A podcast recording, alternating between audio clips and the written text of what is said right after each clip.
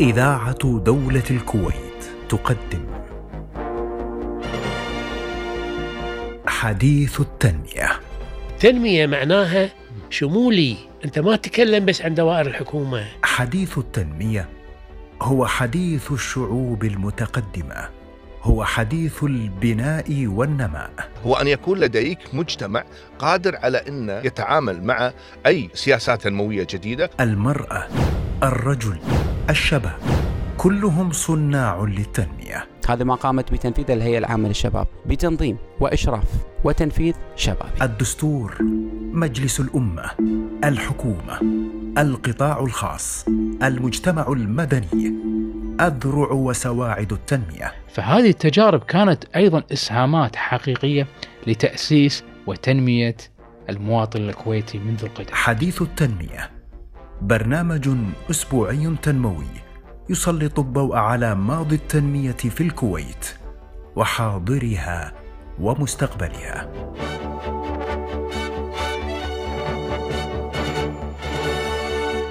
طابت أوقاتكم مستمعينا الأعزاء وبرنامج حديث التنمية وجانب تنموي جديد في هذه الحلقة من إذاعة دولة الكويت. يتغير العالم ويتجدد والثورات تستمر وتتوالى ويشكل ذلك تحديا حقيقيا لحال التعليم ووضعه. هل ندرك ذلك في الكويت؟ كيف نتعامل مع هذا الشأن الهام؟ هذا ما سنبحثه ونناقشه في هذه الحلقة من حديث التنمية بعد الفاصل. أهلا بكم. المتغيرات والتحديات والثورات لا تتوقف في عالمنا المتخم بأنواع وأشكال التبدلات والاهتزازات الاقتصادية والسياسية والمعرفية.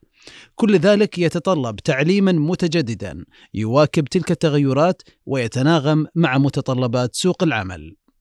الشرارة كانت من اختراع المحرك البخاري مرورا باستخدام الكهرباء فظهور الكمبيوتر فالعولمة وتغير أسواق الطاقة وصولا إلى الثورة الصناعية الرابعة هذا ما سنبحثه وبعمق مع يعني ضيف متخصص هو الدكتور يوسف هادي العنزي الأستاذ المساعد بقسم تكنولوجيا التعليم بكلية التربية الأساسية بالهيئة العامة للتعليم التطبيقي والتدريب. سعداء بوجودك دكتور في هذا الموضوع الهام والحيوي. أهلا وسهلا دكتور وسعيد بهذه الاستضافة. شكرا جزيلا. حياك الله. دكتور بداية ما أهمية العلاقة بين التعليم والمتغيرات؟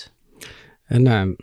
بسم الله الرحمن الرحيم. الحمد لله رب العالمين. نعم الآن نعيش في عالم متغير عالم يعيش فاعلية وتفاعلية وتأثر وتأثير وعلاقات متداخلة بين المتغيرات العالمية. ونقصد بالمتغيرات العالمية هي تلك الأشياء والأمور التي تتغير وليس ثابتة على حال معين. على سبيل المثال عندنا متغير الآن يقال له العولمة.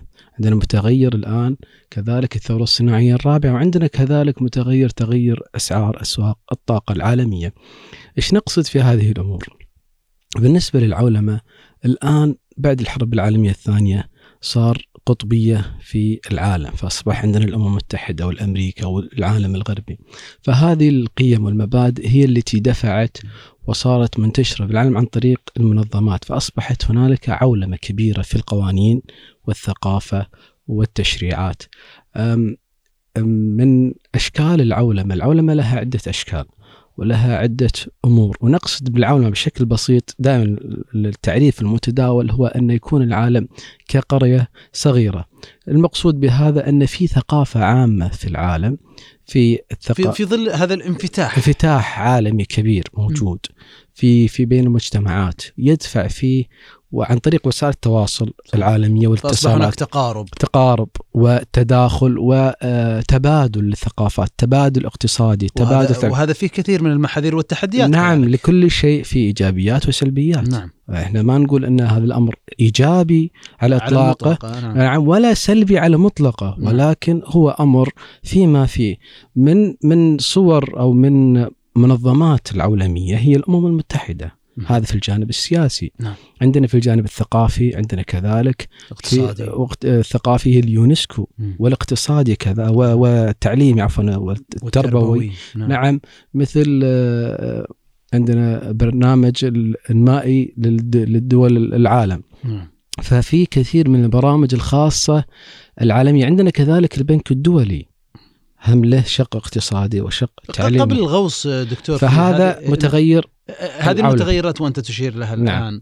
لو أردنا أن آه، يعني كيف يبدو الأمر تاريخيا يعني من حيث الثورات وأيضا آه، مواكبة التعليم. لو صنفناها وأعتقد أنت أشرت قبل اللقاء إلى أن هناك أربع آه، إي نعم. ثورات. نعم نعم. سميتها ثورات أو إي إي نقلات ه- نوعية. هذا هذا يسلمك الله. نعم. آه، في آه، يمكن اجتماع المنتدى الاقتصادي العالمي قبل الأخير أشار آه، العالم آه، بروفيسور كلاوس شواب وغيره من العلماء إلى وجود بروز ثورة جديدة. هذه الثورة سموها الثورة الصناعية الرابعة. والثورة الصناعية الرابعة معناته أن عندنا معناته هناك ثلاث ثورات نعم سابقة. أولى وثانية وثالثة. صحيح. الأولى بدأت عند اختراع المحرك آه، البخاري وكان يشتغل على ال- الفحم. فهذا أصبح ثورة كبيرة في العالم عن طريق أن انتقل الإنسان من العضلة البدنية إلى ال إلى ال ال ال ال الآلة. الآلة فأصبح الإنسان نقلة نوعية. نقلة كبيرة في حياة الإنسان على المستوى الصناعي الاقتصادي حتى على المستوى الإنساني الرفاهية في السابق آه، كانوا يعني يطبخون على أمور بسيطة فجاء الفحم وبعدين حتى الصناعة الآلة انتقلت من ال- الضرب والأمور هذه إلى الآلة إنها تنتج فزاد الإنتاج وتحسنت حياة الناس وزاد كذلك المدخول. النقلة الثانية الثورة الصناعية الثانية هي عن طريق اختراع الكهرباء. فانتقلت الطاقة من الفحم إلى الكهرباء. الثالثة في عن طريق الكمبيوتر والإنترنت. الرابعة هي اللي عملية اندماج بين الإنسان والمادة والتقنية وهي التي نعيشها الآن وهي التي نعيشها الآن وهذا العصر الآن له ملامح في في اقتصاديا في السابق كان عندنا يعني مصادر محدودة واحتكار للسلع وأسعار محدودة وصعوبة التنقل. هذا في السابق. في السابق نعم. الآن فضاءات مفتوحة نعم. إنترنت وثورة الاتصالات ومنافسة شرسة بين الشركات العالمية وحتى الدول الآن وشركات متعددة الجنسيات شركات عابرة للقارات. الآن يعني في ملامح لهذا الثورة الصناعية الرابعة. وقبل ما يعني نذكر الملامح نذكر كلام العلماء. على سبيل المثال آه، بروفيسور كلاوس شواب قال العالم على أعتاب نقلة نوعية من شأنها أن تغير ليس فقط شكل الصناعات وطرق وطرق الإنتاج ولكن أيضا المنظور المعرفي للبشر تجاه كافة الأشياء بصورة عامة. هذا طبعا رئيس المنتدى الاقتصادي العالمي. المقولة الثانية شبكات اللي جي جيرمي ريفكين وهو أحد المؤلفين والكبار الاقتصاديين متخصص في دراسة تأثير التغيرات العالمية والتكنولوجيا يقول إن شبكات الإنترنت ومصادر الطاقة المتجددة والذكاء الصناعي تمثل ظواهر تؤدي بمجملها إلى تغير عميق في النموذج الحضاري العالمي. الراهن. إن عالم اليوم إن العالم اليوم بصدد الولوج إلى مرحلة تاريخية تتميز بتغيير بنيوي عميق. بنيوي في الشكل. في الشكل العالمي. نعم. زين الآن نأتي لملامح الفكر أو الملامح عفوا الاقتصاد ونحن الجديد نتحدث عن مثل هذه التغيرات نأخذ بالاعتبار أننا نتحدث عن التعليم وماذا سيفعل نعم بالضبط راح. نربط نربط عن طريق التعليم مم. بعد قليل يعني مهم. الآن هذه التغيرات التغيرات العالمية الأساسية وبهالمناسبة ودي أشير إشارة قبل ما نتعرف مم. على ملامح الاقتصاد العالمي الجديد مم. أشير إلى أن لا حد يقول إحنا ما لنا شغل مم. إحنا كدولة الكويت مثلا أو دول الخليج أو لسنا الشرق في. المنأى عن مثل هذا أبدا. أبدا نحن طالما نعيش في العالم يعني موجودين جزء أساسي وبعدين الأمر المهم جدا هي المبادرة. المبادرة نفس آبائنا الأوائل كان على شظف العيش وقلة الموارد ويعني فقر الحال إن أنهم بادروا وتعالوا وسموا على الظروف وراحوا يجيبون البحار ويجيبون الأراضي لتأمين ولضمان سبل ضمان العيش الكريم للوطن ولا بد الآن أن نبادر نعم. لمواكبة هذه التغيرات نعم. والتناغم معها دكتور سنستمر في هذا الحديث في برنامجنا حديث التنمية مع الدكتور يوسف هادي العنزي الأستاذ المساعد بقسم تكنولوجيا التعليم بكلية التربية الأساسية ولكن دعنا آه، مع هذه الإضاءة وزميلنا سعود الفياض ونعود تؤمن الكويت بأن التعليم أساس النهضة والتطور ونقطة انطلاقة عجلة التنمية وتهدف الدولة إلى مواكبة التطور العالمي الذي يشهده العالم. تعتبر ركيزة رأس مال بشري إبداعي أحد الركائز لرؤية كويت جديدة 2035 حيث يعتبر التعليم من أبرز اهتمامات الكويت ومن أبرز المشاريع المتعلقة بتطوير التعليم هي. تطبيق تكنولوجيا النانو لدعم العملية التعليمية. تسعى وزارة التربية من خلال استراتيجية التعليم 2005-2025 إلى مواكبة الطفرة الجينية في التعليم. إيمانا بأهمية دور التعليم في تحقيق التنمية، تسعى الكويت لمواكبة التطورات العالمية المتعلقة بالتعليم، وقد أنشأت مركز الكويت لتطوير التعليم في عام 2006. يعمل المركز الوطني لتطوير التعليم بالتعاون مع وزارة التربية على تنفيذ خطة العمل للبرنامج المتكامل لتطوير التعليم، والتي تتمثل بعدة مشاريع ومنها تطوير المبنى المدرسي الذكي، التعليم الإلكتروني المستقبلي، تطوير المناهج بشكل كامل، مشروع رخصة المعلم. السؤال الذي يطرح نفسه: ما مدى مواكبة الكويت لآخر التطورات التعليمية العالمية؟ نواصل معكم مستمعينا الأعزاء هذه الحلقة من برنامج حديث التنمية وبعد هذه الإضاءة دكتور مع زميلنا سعود الفياض نستمر في حوارنا مع الدكتور يوسف هادي العنزي الأستاذ المساعد بقسم تكنولوجيا التعليم بكلية التربية الأساسية. هناك إيمان من الكويت بأهمية التعليم وحتى في رؤية الكويت 2035 يعني أيضا رأس المال البشري هو ركيزة أساسية. هذه التغيرات التي أشرت إليها ولربما يستمر أيضا حوارنا عن هذه التغيرات والثورات الأربع التي شهدها العالم أجمع واتفقنا قبل هذا الفاصل وهذا التقرير بأن نحن لسنا بمنأى عن هذا العالم. الآن ماذا علينا أن نفعل في جانب التعليم وكيف يبدو حال تعليمنا الحالي مع هذه المتغيرات؟ وخاصة ما أشرت إليه وسميته الثورة الصناعية أو ما هو معروف بالثورة الصناعية الرابعة نعم أه يعني عشان الآن مثل ما أكدنا وأقرينا وثبتنا أن إحنا نعيش في هذا العالم ونقبل العالم بمتغيراته. نقبل العالم. هذا ليس خيار. هذا ما هو خيار. لابد انه يكون لنا دور مبادر في هذا الأمر. هذا واحد. اثنين يعني التاريخ تاريخ الكويت العنصر الكويتي أثبت جدارته في التقلبات العالمية والتحولات العالمية. ونحن الآن نعيش مرحلة تحول عالمية عملية انتقال في الاقتصاد العالمي عملية انتقال في في في يعني التعليم عملية انتقال في الحضارة الإنسانية مثل ما أشرنا. فلا بد أن نواكب هذه الأمور. لمواكبة هذه الأمور أطلق صاحب السمو أمير البلاد من سنة 2006 حفظ الله ورعاه من 2006 رؤية الكويت 2035 رؤية الكويت 2035 كانت سابقة ومبادرة لهذه التقلبات لأن مثل ما نعرف آه، عنصر مثلا إحنا خاصة دول نفطية بالنسبة للكويت معتمده على النفط كمصدر وحيد للدخل. زين فالآن الفترة الأخيرة صار في تغير لأسواق الطاقة ودنا نشرح شنو تغير أسواق الطاقة.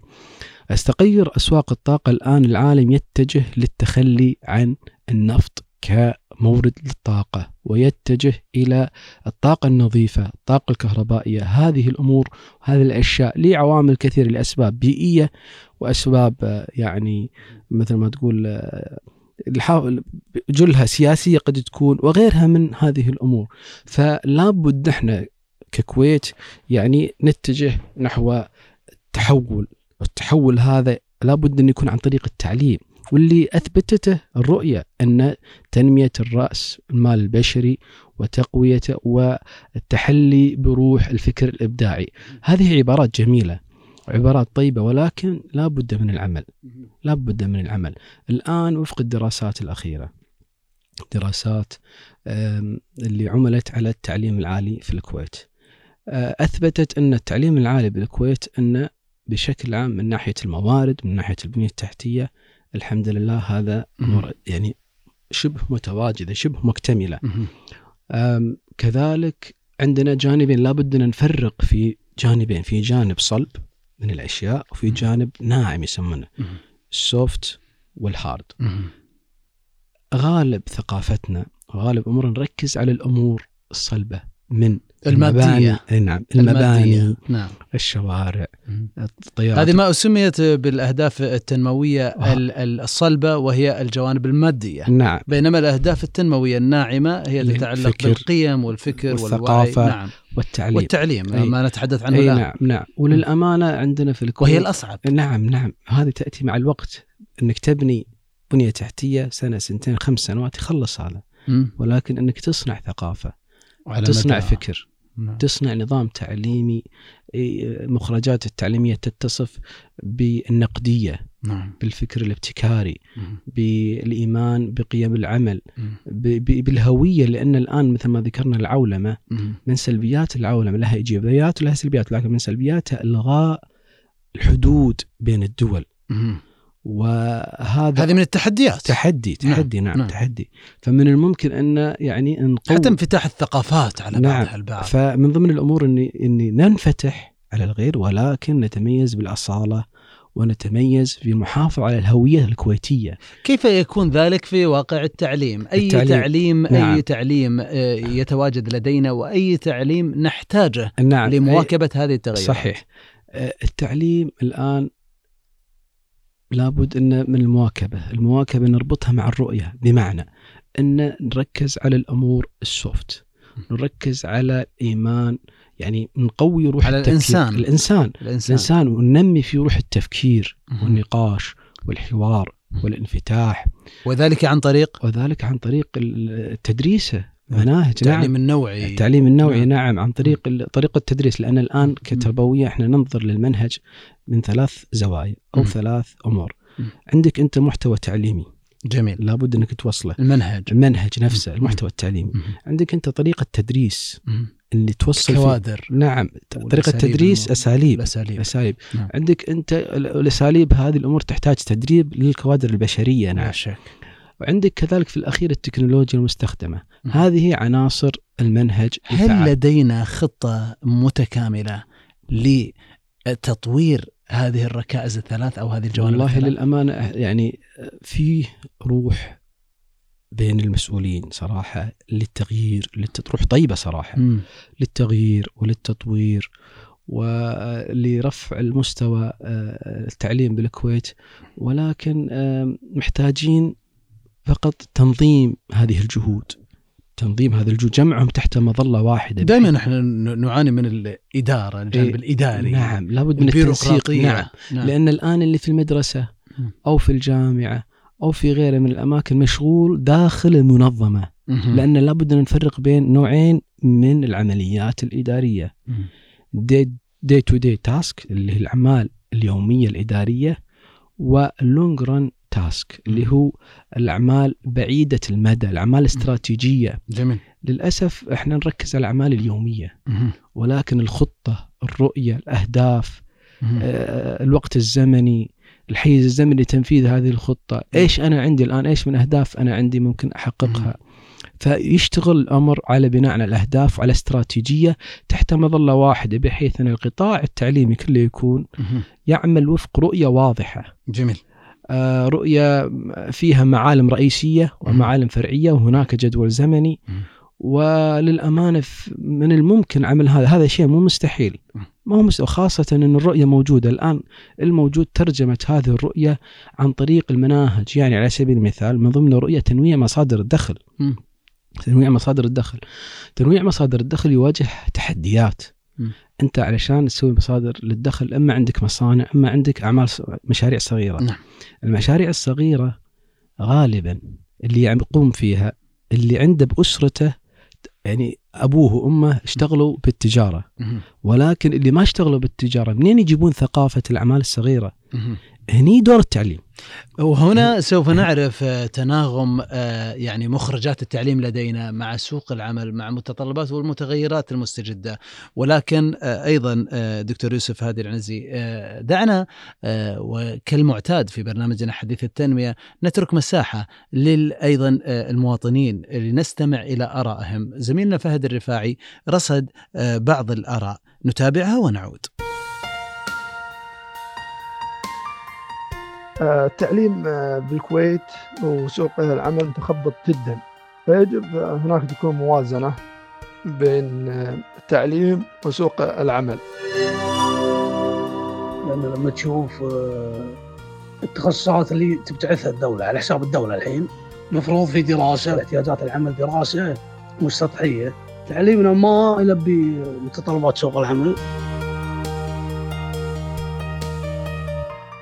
عدنا معكم مستمعينا الأعزاء وبعد هذا الاستماع لهذه الآراء في برنامجنا حديث التنمية آه، نتحاور مع ضيفنا في آه، داخل الاستوديو الدكتور يوسف هادي العنزي الأستاذ المساعد بقسم تكنولوجيا التعليم بكلية التربية الأساسية. دكتور آه، يعني استمعت إلى هذه الآراء المختصرة يبدو هناك يعني قناعة حسب ما أعتقد من المسؤول ومن أيضا الناس والمواطنين بأن عدم رضا عن حال التعليم الموجود. آه، يعني آه، هناك يعني طموحات لتعليم أفضل. نعم صحيح. وهذا اللي اثبتت الدراسات. الدراسات الآن الحديثة تثبت أن التعليم بالكويت ما هو على ما قاعد يوافق سوق العمل سوق العمل. وسوق العمل نقول القطاع الخاص والقطاع الحكومي. هذه ميادين سوق العمل بالإضافة للقطاع الثالث اللي هو ميدان المشاريع الصغيرة. لماذا لا تتوافق مخرجات التعليم لدينا في الكويت مع متطلبات سوق العمل؟ هذه آه، سؤال صراحة كبير والإجابة عنه كبيرة ولكن باختصار كعناوين نعم يعني. نعم إيه؟ هذه علشان تصل المخرجات إن ما هي موافقة لسوق العمل معناتها في مشكلة في إعداد الطالب خلال فترات الدراسة. وهذه المشكلة مشكلة معقدة. يعني حتى سمو الأمير تكلم يعني عن هذا الأمر سمو الأمير حفظه الله ورعاه في إحدى المرات يعني تكلم عن المصانع وجانب آه، عدم وجود إلا نسبة قليلة إشارة يعني 8% أو أقل في المصانع فتساءل أين يعني خريجين التطبيقي وخريجين يعني نعم. العمل التعليمي التطبيقي والتدريب نعم. التكنولوجيا وكليات آه، كثيرة مسؤولة عن هذه الجوانب. آه، صراحة فعلا تساؤل في محله ولكن نجي في مثل ما في هوية وطنية في هوية اقتصادية. نعم. على سبيل المثال لما أذكر لك ألمانيا إيش يطري في بالك؟ صناعات صناعات سيارات وصناعات نعم نعم, نعم. نعم. لما نجي ونقول سويسرا كاكاو. كذلك وحتى الساعات والساعات فيكون متميزين في ما يسمونه proposition اللي هو proposition اللي هو شغلة بسيطة هم يقومون تخصص فيها تخصص دقيق يقومون فيه غيرهم ما يقوم هم تميزوا فيه. مم. نفس الشيء إحنا عندنا في الكويت. أو في في دولنا حتى بشكل يعني تقصد يكون عندنا آه، هوية وتخصص حتى في الصناعة نعم في شيء إحنا نعم نتفرد فيه. نعم نعم لابد. هذا إذا حددنا هذا الأمر. بمعنى بمعنى كأنك تترجم هذا آه، على صعيد سؤالي إن مخرجات التعليم بمعنى أن إحنا نوجد تخصصات وأقسام علمية تخرج نوعية من المتعلمين والمتدربين نعم. اللي يغذوا جوانب معروفة نحن نعرف بحاجتنا إليها بالضبط. محددة سلفا بالضبط وهذا شأن ما هو داخلي فقط نعم هذا شأن ما هو داخلي فقط وإنما مرتبط بالأسواق والطلب والحاجات العالمية صحيح. لأن الآن إحنا مثل ما قلنا في عالم متغير عالم متداخل. عندنا منظمة التجارة العالمية تنظم الاقتصاد العالمي. عندنا أمور فلا بد أن يكون عندنا نظرة عولمية في الرؤية في الاقتصاد. الشأن الآن ما عاد محلي. المسألة الآن تعدت المحلية. لا شك المحلية هي هي مثل ما تقول نقطة الانطلاق بهويتنا وثقافتنا أمورنا واقتصادنا كذلك. ولكن نفس الشيء نبحث عن شيء نتميز فيه عالميا. وليس محليا. هذا الأمر الهوية الاقتصادية نقصد فيها أن يكون لنا شيء متخصصين فيه يكون هويتنا. حددنا هذا الشيء. نأتي الآن نستعرض في نماذج تعليمية مرتبطة بالاقتصاد وناجحة عالميا. على سبيل المثال عندنا الصين وعندنا كذلك ألمانيا. وبالمناسبة الصين استفادت من ألمانيا في هذا الأمر. عن طريق في تخصصات أو في عندهم هوية وطنية اقتصادية عرفت؟ هوية اقتصادية يركزون عليها. مثل ألمانيا عندهم في الميكانيكا عندهم في الكهرباء في الهندسة الكهربائية والميكانيكية. الطلبة أغلب شغلهم عملي تطبيقي يدرسون النظري في الجامعات والكليات وبنفس الوقت يعملون بالمصانع. بالمصانع. أنا أقول hands on يعني ايدينهم في المكان بالمكاين. طيب, طيب خلال فتره الدراسة. عمليا نعم عمليا دكتور والوقت يداهمنا. في دقيقة. ما هي الحلول والمقترحات للمعالجة كما تراها دكتور؟ آه، رقم واحد التنسيق. التنسيق بين جهات ال- ال- الموجودة في البلاد. أن جهات العمل والجهات التعليمية. نعم حوار من ونقاش أجل من مخرجات تعليم بالضبط. حقيقية يحتاجها ويتطلبها سوق العمل. بالضبط نعم. هذا واحد. فتح قنوات اتصال وتنسيق فيما بينهم. اثنين إيجاد هوية اقتصادية. ال- إيجاد الهوية الاقتصادية عبارة عن مجموعة من الأشياء من المعني بمثل إيجاد هذه الهوية؟ هذا حوار وطني. يكون يعتمد إما على بين أرقام هذه الجهات كافة؟ هذه الجهات والاقتصاد كذلك. ومدى الحاجة؟ نعم يعني مثلا وزارة التجارة لها دور وغرفة التجارة لها دور التعليم له دور. الوزارات الوزارات و- نعم المسؤولين لو, لو بس مسؤولين الكبار أو أن يعني المهتمين والباحثين مهم. بالاقتصاد والتربية يحددون الهوية الوطنية بحيث يكون في توافق. هل هناك ملامح للسعي لتحديد هذه الهوية التي تتحدث عنها؟ والله- وهل أنت متفائل؟ والله أنا دائما متفائل والأمانة في خطوات ولكن إحنا مستعجلين. في خطوات طيبة إحنا مستعجلين يعني يعني اقصد إحنا كاشخاص كمواطنين طبيعة الاستعجال يعني كأفراد يعني كان الإنسان الم- عجولا المستمع سيقول إلى متى الانتظار؟ نعم صحيح أعتقد أن إحنا في عالم سريع جدا صحيح, صحيح. وبالتالي أعتقد أن الاستعجال أمر طيب. مشروع وطيب صحيح. ولكن الحضارات تبنى دائما في في أمور متراكمة في جميل. فرق بين حضارة وفي فرق بين تنمية. الحضارة عبارة عن تكامل لا متكامله شك إيه التنمية تكون في جانب واحد مهم. فالحضارة تكون ناضجة مهم. فهذا اللي نقول إحنا متفائلين لأن في بعض الخطوات الطيبة مهم. عن طريق تشريعات. وعن طريق بعض الأمور جميل لكن محتاجين لدائما النقطة اللي نركز عليها الثقافة صناعة الثقافة ثقافة تع... ثقافة تعليم وثقافة آه، فكر إبداعي وعولمي متوافق مع الثورة الصناعية الرابعة. وهذا ما نأمله آه، الدكتور يوسف هادي العنزي الأستاذ المساعد بقسم تكنولوجيا التعليم بكلية التربية الأساسية. الموضوع في غاية الأهمية والعمق يتطلب أكثر أعتذر أن إحنا يعني ما أعطينا المساحة الأكثر ولكن دائما في حديث التنمية نحاول بين فترة وأخرى العودة لهذا المحور الهام جدا. شكرا لهذه الإضاءات والأفكار التي طرحتها وشكرا لإسهامك معنا في هذا البرنامج. أهلا وسهلا. سعيد بالاستضافه شكرا جزيلا. والشكر لكم آه، مستمعينا الأعزاء في كل مكان ويتجدد اللقاء في حديث التنمية في الحلقة القادمة فإلى اللقاء.